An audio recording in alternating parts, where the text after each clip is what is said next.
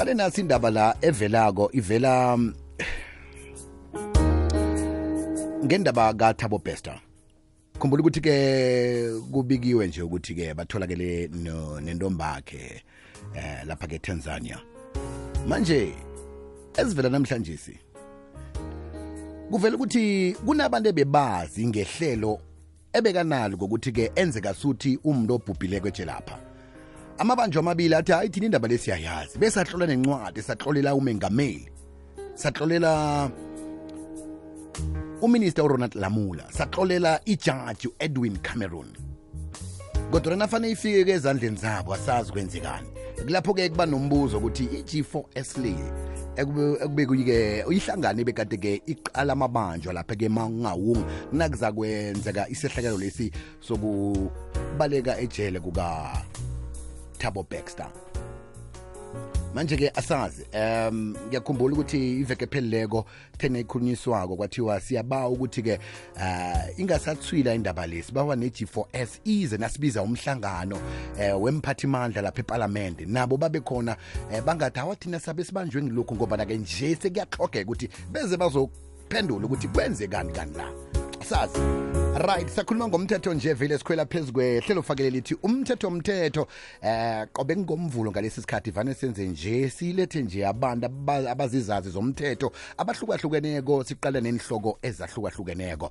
Sakhuluma ke ngemphathimandla uyakhumbula ukuthi ke eh, iminyaka ephelileko khe kwaba eh nomunye usopolitiki South Africa pha athi ngifuna isikhundla ngombana eh incwadi echoko ukuthi awa mina ngikulungela ukuthi ngisithathe isikhundla lesi nasiyona. Kodwa ke kwabonakala ukuthi i- i- incwadi ebekayithumela leya incwadi bekazenzele yona ngomkokoto ukuthi akasasi insolvent. Ngikho ke sicoca ngendaba leyo ukuthi yini kanti insolvency leyo Mudimulle 90.6 FM. ukuya edalstrom 107.7 fm kukhanyisa ikwekwezi fm hashtag umkhanyo ukhona.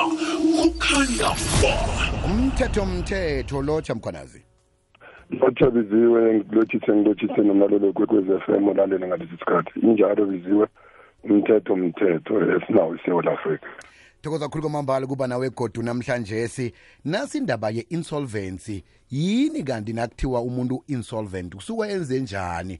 Eh ufikiswe yini lapho? Uphuma njani? Insolvency khulukhulu eh of insolvency act. Eh kula umuntu anenkolodo khona ekufumanise ukuthi inkolodo anazo nofana ama-liabilities wakhe a-exceeda eh ama-assets anayo nofana a-exceeda eh ipahla anayo. Mara-ke nangaphezu kwalokho kutholakala ukuthi lo muntu eh ubhalela nakuzibhadela inkolodo lezo. Eh esikhathini esiningi ngeli- ngelimi elijwayelekile eh aye bathi umuntu loyo ubankrupt. Ukusho ukuthi izinkolodo zingaka zidlula nama-assets la anawo and phezu kwalokho akakhoni ukuzibhadela so ngaso sonke isikhathi-ke um nangabe kunjalo udeclarwa njengomuntu o-insolvent or o-bankrupt. Kuyenzeka udeclare mhlambe eh lokhu ama-creditors nakathoma alandelela. Ngesinye isikhathi kudeclare wena wena uzideclare uzisubmite eh utsho ukuthi mina eh sengumuntu o-bankrupt. Therefore ngiba ukuthi ikhoto eh ikhiphe i-order vele ukuthi eh ngi-bankrupt. Khona ukuthi kuthengisakale izinto onazo impahla onayo ku-appointe i-curator ezakuqalelela bona zithengiswa njani izinto ngaleso sikhathi onazo until la mhlambe inkoloto zakho ekusolveka khona ukuthi eh, zisettled kanjani. Umuntu o-insolvent umuntu o-bankrupt eh, biziwe allo into leyo ingabi kuvalele namathuba ukuthi ungaqatsheka kenye yenkampani namtshana embusweni? Kunjalo biziwe kunamanye ama-offices khulukhulu ama-office we-public eh lokhana uziqatshwa embusweni. Abamfuni umuntu nofuna akaqualify umuntu ukuthi angathatha iposition lokhana eh insolvent nofana adeclariwe kune court order ekhona ethi umuntu lo u-insolvent. Ubankrupt akakhona ukulibamba eh, i- i-position lapha ku-public office.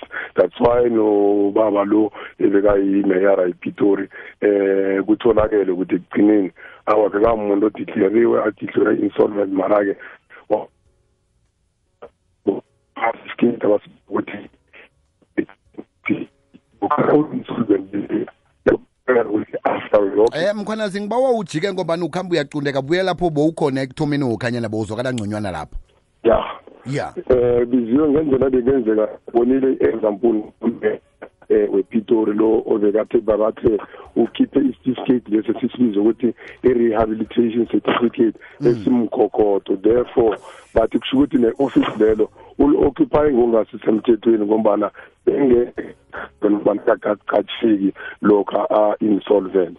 Umuntu nangabe u-insolvent biziwe kuyakhonakala ukuthi abuyele es- esimeni nofana isigini mara-ke nangabe sekudeclariwe ukuthi eh uyakhona ukubhadela inkoloto zakhe athole i-certificate lesi sisibiza ukuthi i-rehabilitation. Mara-ke iyaku-affect emberegweni ukuthi uthole kuma-public office. Shuthi into le ingabamba ubani nobani? Mhlawumbe eh isiyeleliso ongasithumela ebantwini ngoba nasibabantu nje siphila ngenkoloto. Uyangena la uyathatha ungena la uyathatha nayivumako abanye bathi awa thina asikuphi i-credit card? Uthi lethani la ungayihlogi isiyeleliso ongasithingisa ebantwini ngesithini?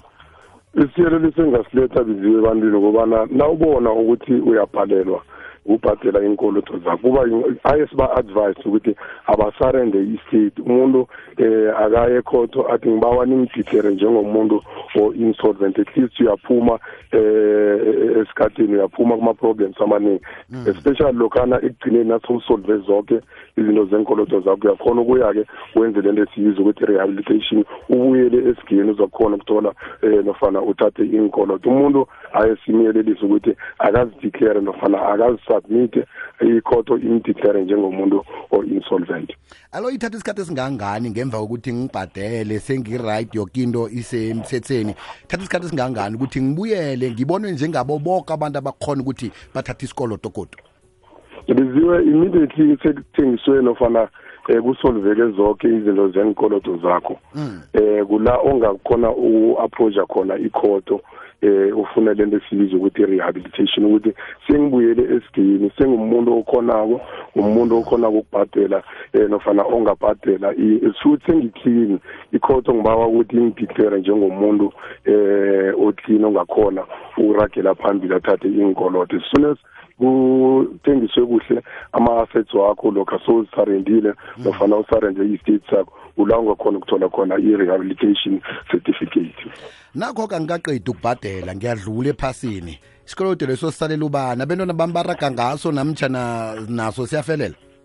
Biziwe aye sithi kunalento esibiza ukuthi i-administration of i-state somuntu obhubhileko. Mm. eh lokhana abhubhile umuntu isikoloto sisamnamathela khulukhulu sinamathela ama-assets la anawo. Lokho asenza lento esibiza ukuthi i-distribution account kuzokuthonya kubhadelwe abantu obakolodako kucala ngaphambi kokobana eh laba bentwana abaseleko nofana uma ubaba oseleko a- athola ishare. Yakhe isikoloto eh asiboli biziwe until ku- ku- kubhadelwe ama-creditors.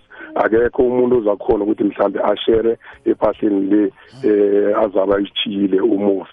Isikoloto siyaragela phambili ibiziwe um sibhatelwe ama-assets la onawo watshiyile phasini yo shuthi nangekithiye um ipahla yami eyenza 500000 kodwana ke lapha ngikolodwa i-1 million. Shuthi-ke engibachiya kwaba angeze basadobha litho ngombana kuyokuthathwa leya maleya into zami zithengiswe zikwazi ukuthi zibhadele isikoloto bona basale bakoloda half a million kodwa injalo biziwe marange asiyo kunamathela kibo direct Okay. sinamathela kile ipahla wena oyijileko. Ama-creditors ngaso sonke isikhathi eh abhadelwa kuqala.